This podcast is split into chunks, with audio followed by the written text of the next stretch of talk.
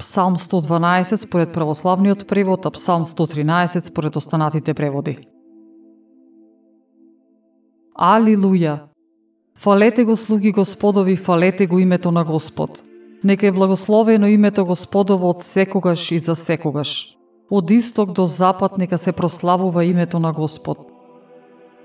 Возвишена над сите народи Господ, неговата слава е над небесата.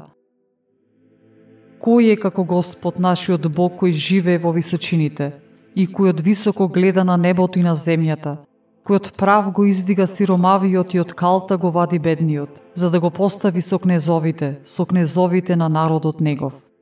Кој неплодната ја вселува в куќи како мајка, што се радува меѓу многуте деца. Алелуја!